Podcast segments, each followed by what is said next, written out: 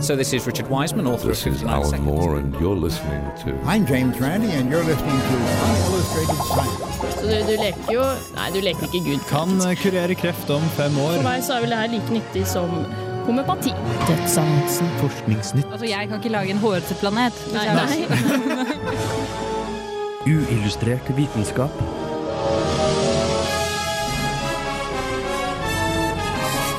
Science, it works, bitches. Atlantis er funnet for n-te gang. Er det grunn til å feire? Det er på tide å ta bananskallet mer seriøst, skal vi tro visse forskere. Og planlegger du å stenge deg inn i en bunker for å overleve atomkrisen, foreslår jeg heller at du hører på dagens sending av Uillustrert vitenskap. Da har lomma full! I'm James Randi, and you're listening to Unillustrated Science.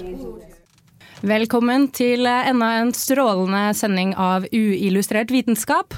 Strålende i den form at eh, alle originalmedlemmene endelig er tilbake i studio. Ja. Og så skal vi jo snakke litt om stråling.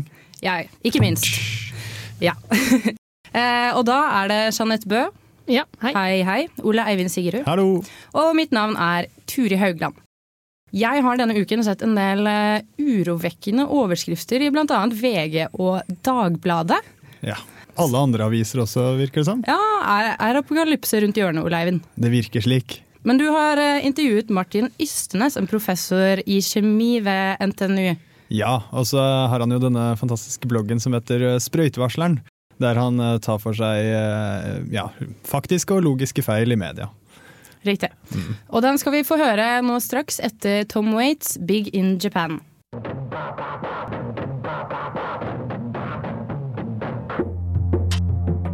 For sent å unngå katastrofe, melder VG på forsiden i dag. På nett kan man lese om ekstrem stråling fra reaktor 4. Medieoppslagene om Fukushima er mange, og ofte motstridende og forvirrende. For å få litt klarhet over situasjonen, oppsøkte vi derfor NTNUs sprøytevarsler, professor Martin Ystnes. Jeg har eh, kjemifag, og i den sammenhengen så har jeg faktisk også, iallfall tidligere, undervist en del om radioaktivitet. Fellesnevneren for de fleste reportasjene er at situasjonen i Fukushima er skremmende. Tsjernobyl blir også nevnt daglig. Men er disse to hendelsene sammenlignbare? Det er noen forskjeller der som er veldig store. Den største forskjellen er at i Fukushima så var det ingen problem å slå av reaktoren veldig fort. Det betyr at den kjernefusjonen, det som da produserer energi normalt, at det, den stoppet nesten umiddelbart. Problemet er at de eh, radioaktive isotopene som er der, de vil da fortsatt produsere varme. Men bare på noen få prosent av det som var opprinnelig. Og det er den store forskjellen på Tsjernobyl og det som var der nede. At energiproduksjonen nå er veldig mye mindre. Faktisk nå er den nede i under en halv prosent av hva det var eh, da det startet. Mens i, i Tsjernobyl skjedde eksplosjonen mens reaktoren var i full drift. Hva er farene for at radioaktivt nedfall kan ramme andre deler av Japan? Ja, det er selvfølgelig den faren er veldig stor. Men eh, spørsmålet er jo da hvor mye nedfall det er snakk om. Jeg mener, Vi hadde jo Tsjernobyl-ulykken, og den traff faktisk Norge relativt mye. Jeg har hørt litt forskjellig prosentandel, men eh, fra 3 til over 10 av eh, nedfallet etter Tsjernobyl-ulykken skal ha falt over Norge. Altså en relativt stor del. Selvfølgelig ble det mye prating og mye gjort for å redusere problemer. som vi hadde først og fremst nedfòring av dyr og noen restriksjoner på sugan og grønnsaker og sånt. Men nå utover det så var jo ikke det noe veldig stort problem her i Norge. Og nå utover det har det veldig store problemer med at det skal kunne bli i Japan når det gjelder eh, nedfall. Fordi mengden som produseres der, uansett hva som skjer, vil være veldig mye mindre enn det som var i Tsjernobyl. Media har også varslet om økt strålenivå i Tokyo. Det er totalt misvisende. For det man da snakker om høyt strålingsnivå, det er eh, strålingen fra luft. Og den er i utgangspunktet veldig liten. Og har en veldig liten betydning for vår totale strålebelastning. Den viktigste strålebelastningen her nå kommer fra berggrunn og faktisk fra betong, som inneholder en del stein, som da inneholder en del stråling. Fra maten du spiser, fra det sjøl. Altså hvert menneske har normalt ca. 50 000 becquerel i kroppen. Som da, altså 50 000 atomer som til hvert sekund da driver og spaltes. Og Det er den store strålebelastningen som har. Så den som kommer fra luften, den utgjør ingenting. Så eh, flere om 100 ganger ingenting er faktisk relativt lite, det òg, altså. Med bloggen Sprøytevarsleren er Martin Ystnes vel vant til å påpeke feil i media. Den norske dekningen av Fukushima-saken mener han dog har vært langt bedre enn i Tyskland. Der var det intervju med Greenpeace som nesten ropte 'supergau', altså verdenskatastrofe nesten før jordskjelvet omtrent. Altså var, de var så raskt ute. Likevel har han litt å utsette på norske journalister òg. Kanskje syns jeg media har glemt litt de feilene de gjorde etter Tsjernobyl. Jeg mener, jeg mener, jeg tror det var Dagbladet som skrev på førstesiden at det var 20 000 døde i Tsjernobyl. I dag vet man at russerne som snakket om 2030, at de hadde rett. Det var til og med en amerikansk avis som skrev om at det var 2000 døde i Stockholm. Altså, det var, det var fullstendig hysterisk på den tiden der. Man snakket om eh, full forvirring fordi, om hvor mange som ville dø etter Tsjernobyl fordi at man sammenlignet de som kom fra forskerne, med de som hadde ropt det høyest. Og flere aviser skrev lang tid om at man forventet en million eller halv million døde rundt Tsjernobyl pga. I dag snakker man om relativt få tusen på verdensbasis. Altså, man bør kanskje lære litt av de tingene man har gjort før. Og kanskje sjokkerer det meg litt at man fokuserer så totalt på det. At man nesten føler at man har glemt de kanskje 10 000 som døde pga. tsunamien. Og hvem snakker om hva noe som skjer i Libya? Altså, jeg ser ikke bort fra det kommer til å bli et skille mer dramatisk der enn det kommer til å være i Japan. Så det er en overfokus på dette punktet der som eh, jeg syns er rett og slett etisk problematisk. Du lytter til Uillustrert vitenskap, og der hørte du første delen av intervjuet med professor Martin Ystnes i kjemi fra NTNU. da. Uh, og han har jo et meget godt poeng. Hvorfor er det så utrolig mye fokus rundt dette atomkraftverket i Fukushima? Jeg tror det er uh, to grunner. Den første grunnen er at at atom, radioaktiv stråling da, det er fryktelig skummelt. det er også noe vi vet lite om som folk flest. Og det at noe er skummelt, og noe vi vet lite om, det, det gjør det interessant. Men jeg tror det også er det at denne atomverkulykken den eh, er pågående. Det er noe som skjer nå. Uh, det gjør det til en veldig god mediesak, fordi man kan følge utviklingen. Man kan ha masse artikler som spår forskjellige utfall. og så er det på en måte en ny oppdatering hver dag. og mens tsunamien den har jo kommet og vært. Og det er jo selvsagt mye mer interessant egentlig å høre om utfallet av det. Og det er mye mer alvorlig. Men det er noe som har skjedd. Mens hva er det som kommer til å skje i morgen ved atomreaktoren? Det er, uh, det er en bedre mediesak. Og så er jo en eh, atomkatastrofe òg noe som kan ramme andre enn bare Japan. Når man får sånne store tall 'Å, alle har dødd i Japan, det er forferdelig', og så tenker du ja, det er, det er forferdelig. Hæ, kan det skje noe med meg? Ja, La oss sant? lese avisen. Tsjernobyl den traff jo, som Martin Ysne sier, sånn 3-9% av den traff jo Norge. Men kan den atomkraftulykken i Japan treffe Norge? Nei. Nei. Det, det vil ikke skje. Han nevnte jo bl.a. Tokyo, da, at strålingsnivået der var veldig oppskrytt i media. Det syns jeg var litt interessant, fordi jeg har hørt veldig mye om at nei, alle må dra fra Tokyo nå, som ikke bor der. fordi der, der går det ikke an å fortsette lenger. Men den strålingen kom faktisk fra betong. Ja, eller de, de målte en økt stråling i, uh, i luft. Men uh, strålingsnivået i luft utgjør, utgjør, nesten ingenting. Man får veldig mye mer fra, fra betong, annet. Og vi kan jo nevne at i dette studioet nå så er det jo 150 000 becquerel, fordi vi er jo tre programledere her. Uh, mm. Heldigvis så er ikke teknikeren inne med oss, for da ville det vært 200 000. Det kunne bli riktig så farlig. uh, men det er den nyanseringen da, som er fin å ha. Uh, for jeg har, blitt, jeg har vært litt sånn forvirret de siste, den siste uken. Fordi jeg leser eh, en del eh, veldig nøkterne saklige artikler eh, som eh, forklarer at ja, dette er jo selvsagt urovekkende og nifst. Og eh, og alvorlig, men, men, det er ikke så fryktelig farlig. Men så ser jeg neste side, så er det jo eh, diger overskrift med at dette er katastrofe. Og så er det enda mer forvirrende når man da ser overskriften om at eh, nå er strålingen like ille som i Tsjernobyl, og så leser du artikkelen, og så finner du ikke, finner du ikke noe grunnlag i artikkelen, fordi der har de intervjuet han eksperten fra Bellona, som jo er en veldig god og saklig kilde. Eh, og han sier jo ingenting om, om det. Ja. Så eh, man blir litt forvirret, og da er det veldig godt å kunne få litt sånn nøyaktige tall og god vitenskap, og sette alt i litt perspektiv. Da, hvor farlig er dette? Ja.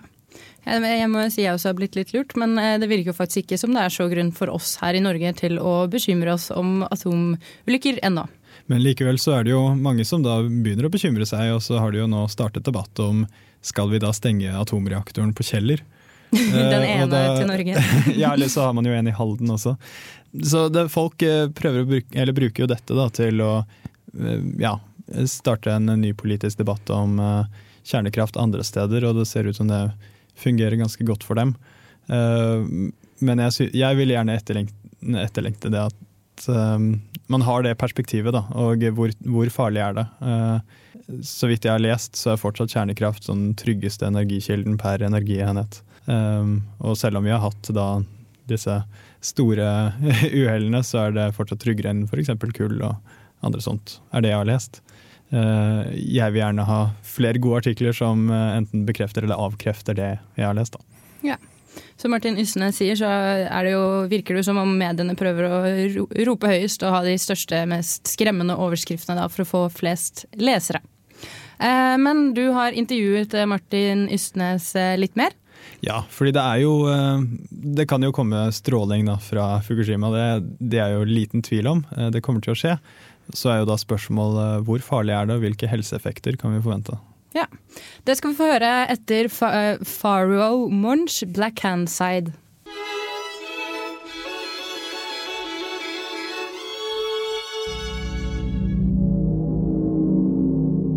Altså Man får liksom følelsen av en, slags mystisk stråling som nærmest gjør kroppen om til en ost.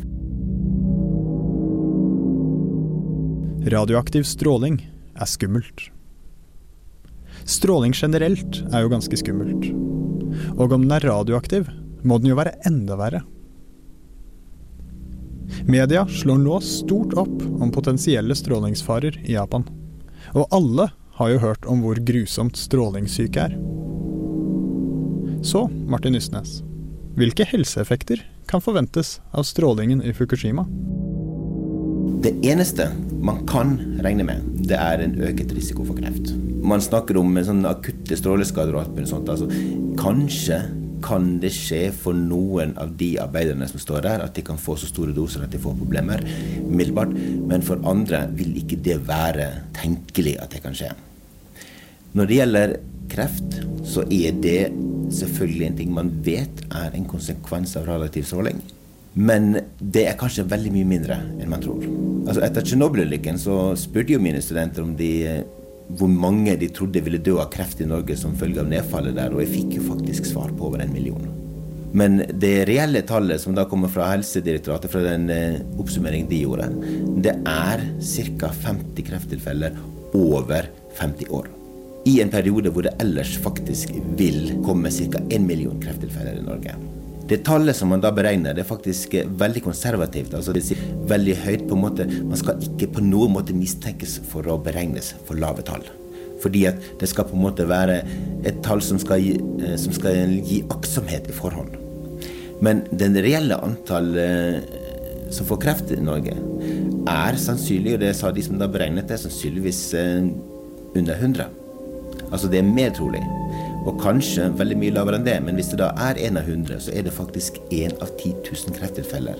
Det man også snakker om, det er jo dette der med risikoen for mutasjoner. Det man vet kanskje, det er at hvis man får store stråledoser under svangerskapet, tidlig på svangerskapet, så kan det gi misdannelser. Men arvelige skader, som da skyldes genmateriale, det må da komme fra at man har fått bestråling på eggceller eller på sædceller. Og det som har overrasket forskerne mye, og som overrasket meg også vel første gang jeg så det, det er at slike effekter faktisk aldri er blitt observert hos mennesker. da tenker jeg ikke bare på eh, etterlevende etter Hiroshima Nagasaki, men man har faktisk noen atskillig mer eh, større doser som noen har fått, nemlig de som har fått eh, strålebehandling etter eggstokkreft og testikkelkreft. Selv blant de har man ikke funnet noen som helst økning i antallet med arvelige nye genskader som følge av den bestrålingen. Og da kan jeg nevne at som sammenligning hvis far er 35 år, så er risikoen for nye genetiske skader i utgangspunktet seks ganger så stor som hvis far er 18 år. Den effekten er stor. Men altså den effekten av radioaktivitet har man faktisk ikke klart å. Så man regner med en viss risiko, men man har faktisk ikke klart å påvise det noen gang. Ja, du lytter fortsatt til uillustrert vitenskap, og da har vi lært litt mer om radioaktiv stråling. Eh, jeg nevnte tidligere at Atlantis er oppdaget for n-te gang. Ja, det er flott. Hurra! Bør vi, bør vi dra oss klærne og hoppe rundt nakne og Ja, feire? det bør vi nesten ikke. Uh, Bør vi er, alltid gjøre det, men uh, det er ikke noen ekstra grunn pga. dette, nei. Nei, okay. det, er, det er masse seriøse nettsteder som har skrevet om den oppdagelsen av Atlantis. Og da, begynner, da har du lyst til å lese det, for jøsse navn, er det, har det gjort det? Og så leser du artikkelen, og så blir du liksom ikke noe mer opplyst. Du bare rister på hodet, og ja, det, det forklarer jeg jo egentlig snart. Ja, sløser bort tiden. ja. Ja, Det skal vi få høre på nå.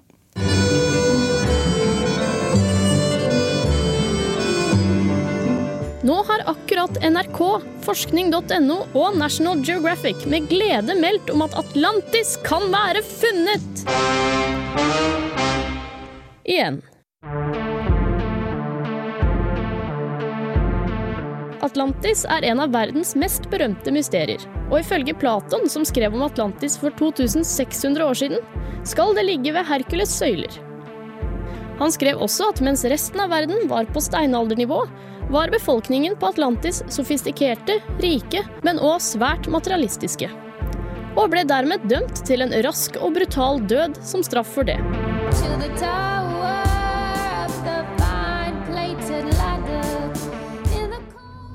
I en ny dokumentar av National Geographic Channel følges et team av amerikanske, kanadiske og spanske forskere ledet av professor Richard Freund i sitt forsøk på å finne den tapte sivilisasjonen.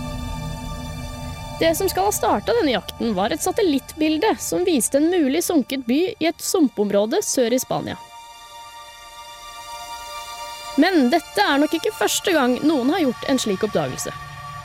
Vi trenger ikke å gå lenger tilbake enn i 2004, da en gruppe amerikanske forskere var sikre på at de hadde funnet beviser for at Atlantis ligger utenfor kysten til Kypros. Andre forslag til beliggenheten til Atlantis har vært bl.a. Bolivia, Mexico, Cuba, Finland, Sverige, Danmark, Nordsjøen, nord i Spania, Marokko, Malta, Tyrkia osv. De fleste med påfølgende avisoverskrifter Atlantis kan være funnet.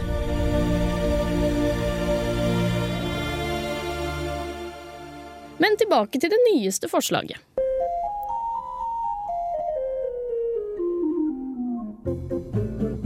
Forskerne innrømmer at de ikke fant noen beviser for hva som skjedde med Atlantis sør i Spania.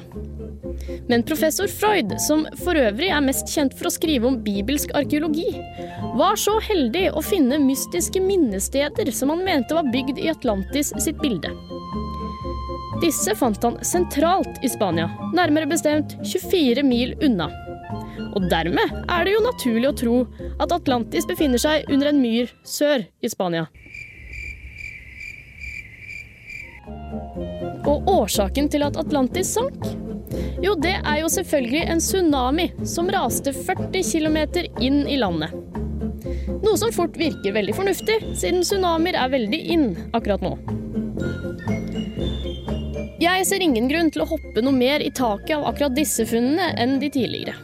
Platon tok nemlig i bruk myter i sine dialoger, og det er vanskelig å se noen grunn til at Atlantis ikke også er nettopp dette.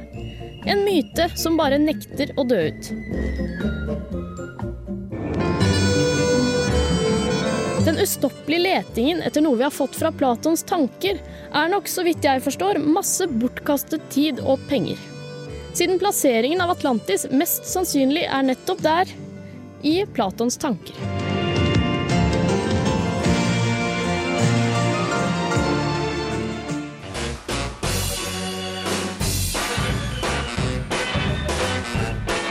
Hei, eh, jeg heter Petter Skjerven, og jeg lytter til Illustrert vitenskap på Radio Revolt så ofte jeg bare kan. Uillustrert. Uillustrert. Veldig bra. Hei, jeg heter Petter Skjerven, og jeg lytter til Uillustrert vitenskap på Radio Revolt så ofte jeg bare kan.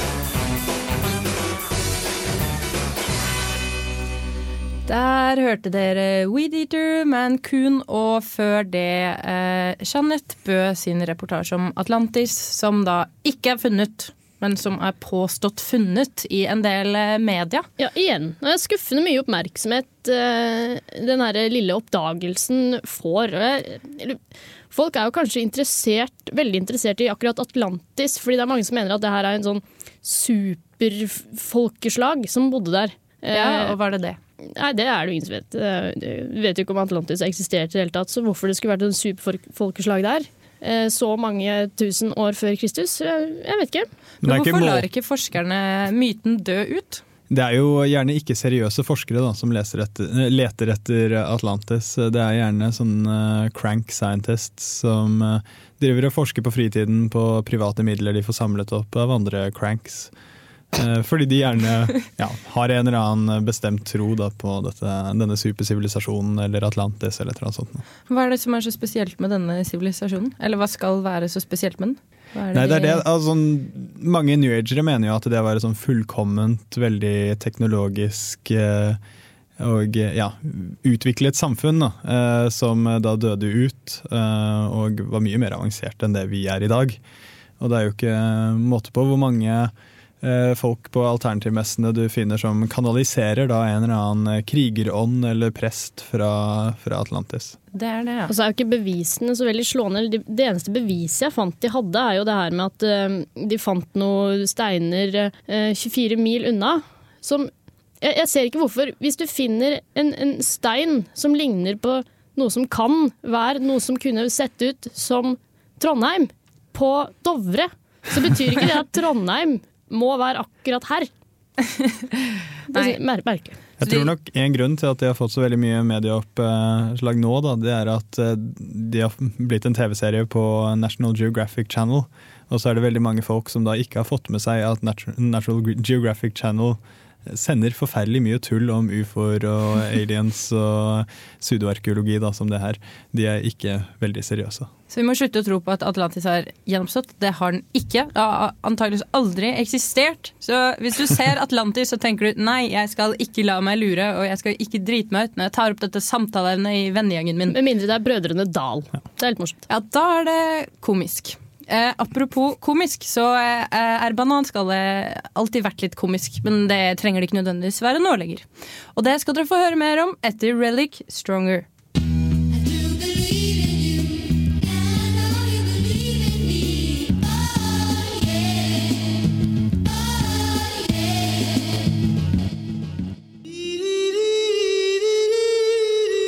Bananskall er for evig forbundet til klisjeen å skli på et bananskall. Andre har også funnet nytten ved andre bruksområder.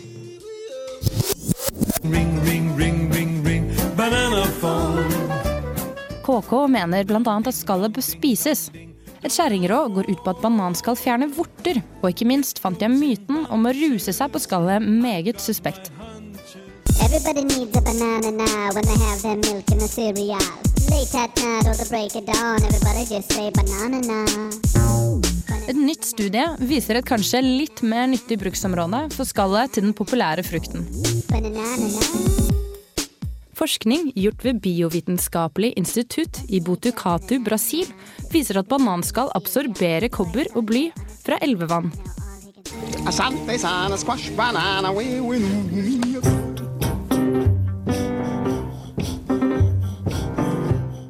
Tungmetaller som kobber og bly blir mye brukt i industrien, og forekommer i drikkevann med uheldige bivirkninger, som kjent.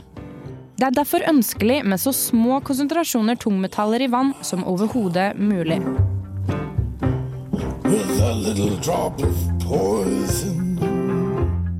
Tradisjonelt brukes silisiumoksid, cellulose og aluminiumsoksid til å rense tungmetaller fra vann.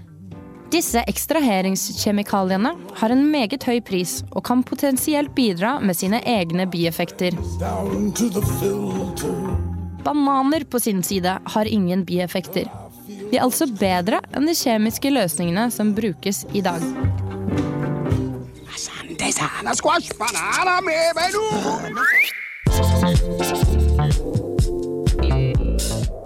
I studiet ble bananskallet tørket og malt, og deretter blandet i flasker med elvevann og kjente konsentrasjoner av tungmetall.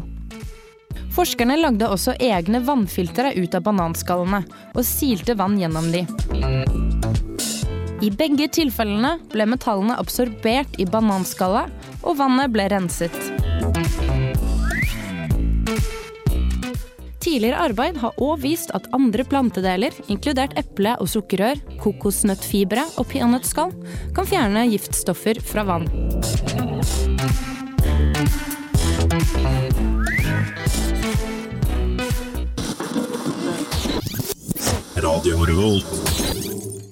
Dere hører fortsatt til uillustrert vitenskap, og der var det en liten fun fact om bananskall. Nei da, det var ikke det. Nå er det på tide å ta det mer seriøst, og det er godt. Ja. Eh, men det er litt morsomt, syns jeg, at noe så lett og simpelt som bananskall kan puttes i vann, og så renser det vannet.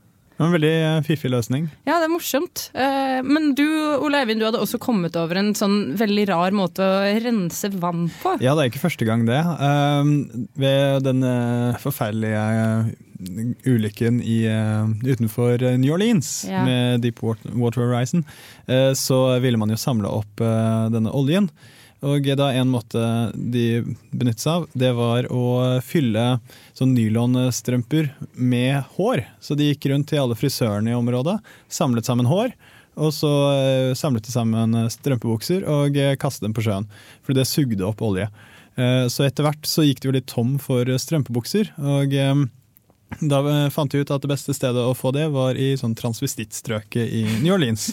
Fordi kvinner nå til dags de gikk visstnok ikke i nylonstrømper lenger. Ja. Gjør det ikke det?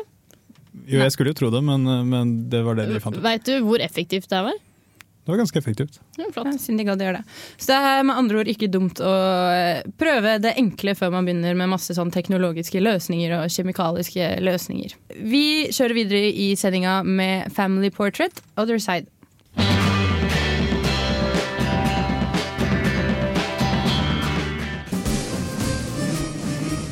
With the proper breeding techniques and a ratio of, say, 10 females to each male, I would guess that they could then work their way back to the present gross national product within, say, 20 years. Uillustrert vitenskap. Da har vi kommet til veis ende i denne sendingen. Eh, Vi må ikke minst nevne at den menneskelige kalkulatoren Scott Flansberg kommer til Norge i helgen. Utrolig! Ja, og i morgen skal han annet besøke Nesten helg, og i forbindelse med det kan dere vinne billetter til et foredrag han skal holde på søndag. Eh, Så da foreslår jeg at dere blir med i den konkurransen, og mer om den finner dere på radiorevolt.no. Eh, Ikke minst kommer eh, James Randy til Trondheim på mandag. Bam, bam, bam. Bam, bam, bam. Eh, han skal prate i Storsalen klokken seks på mandag, altså. Og vi i Ulystrert vitenskap anbefaler på det sterkeste at alle får med seg dette. Møt opp tidlig, det kommer til å bli fullt. Ja, det tror jeg også. Eh, ikke minst er du filminteressert, starter Filmofil om noen få minutter. De skal bl.a. prate om noen filmpremierer, Alfa og Omega, som tydeligvis ikke hadde vært så bra. Men jeg skal ikke avsløre noe. Det gjorde du gjorde akkurat. Hvis eh, du lytter til oss på podkast, så eh, kan du fortsatt finne Filmofil som podkast i iTunes eller på radiovolt.no slash. Det samme kan du med uillustrert vitenskap. Ikke minst må vi takke alle medvirkende i denne sendingen. Ola Eivind Sigerud, Ha det godt. Jeanette Bø, Ha det bra. meg, Ture Haugland, og ikke minst vår tekniker Bennik Bolme. Tusen takk. Ha det bra.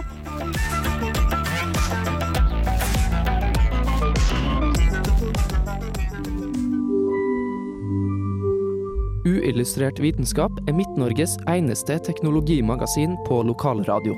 Og vi snakker om alt fra populærvitenskap til sære forskningsprosjekt ved NTNU. Radio Revolt, studentradioen i Trondheim, er stolt av å kunne presentere podkaster fra de aller mest populære programmene våre. Hvis du har lyst til å høre mer fra Radio Revolt, hvem vi er og hva slags musikk vi spiller, så kan du høre oss på FM-båndet i Trondheimsregionen, eller streame sendingene våre live på radiorevolt.no. Thank you.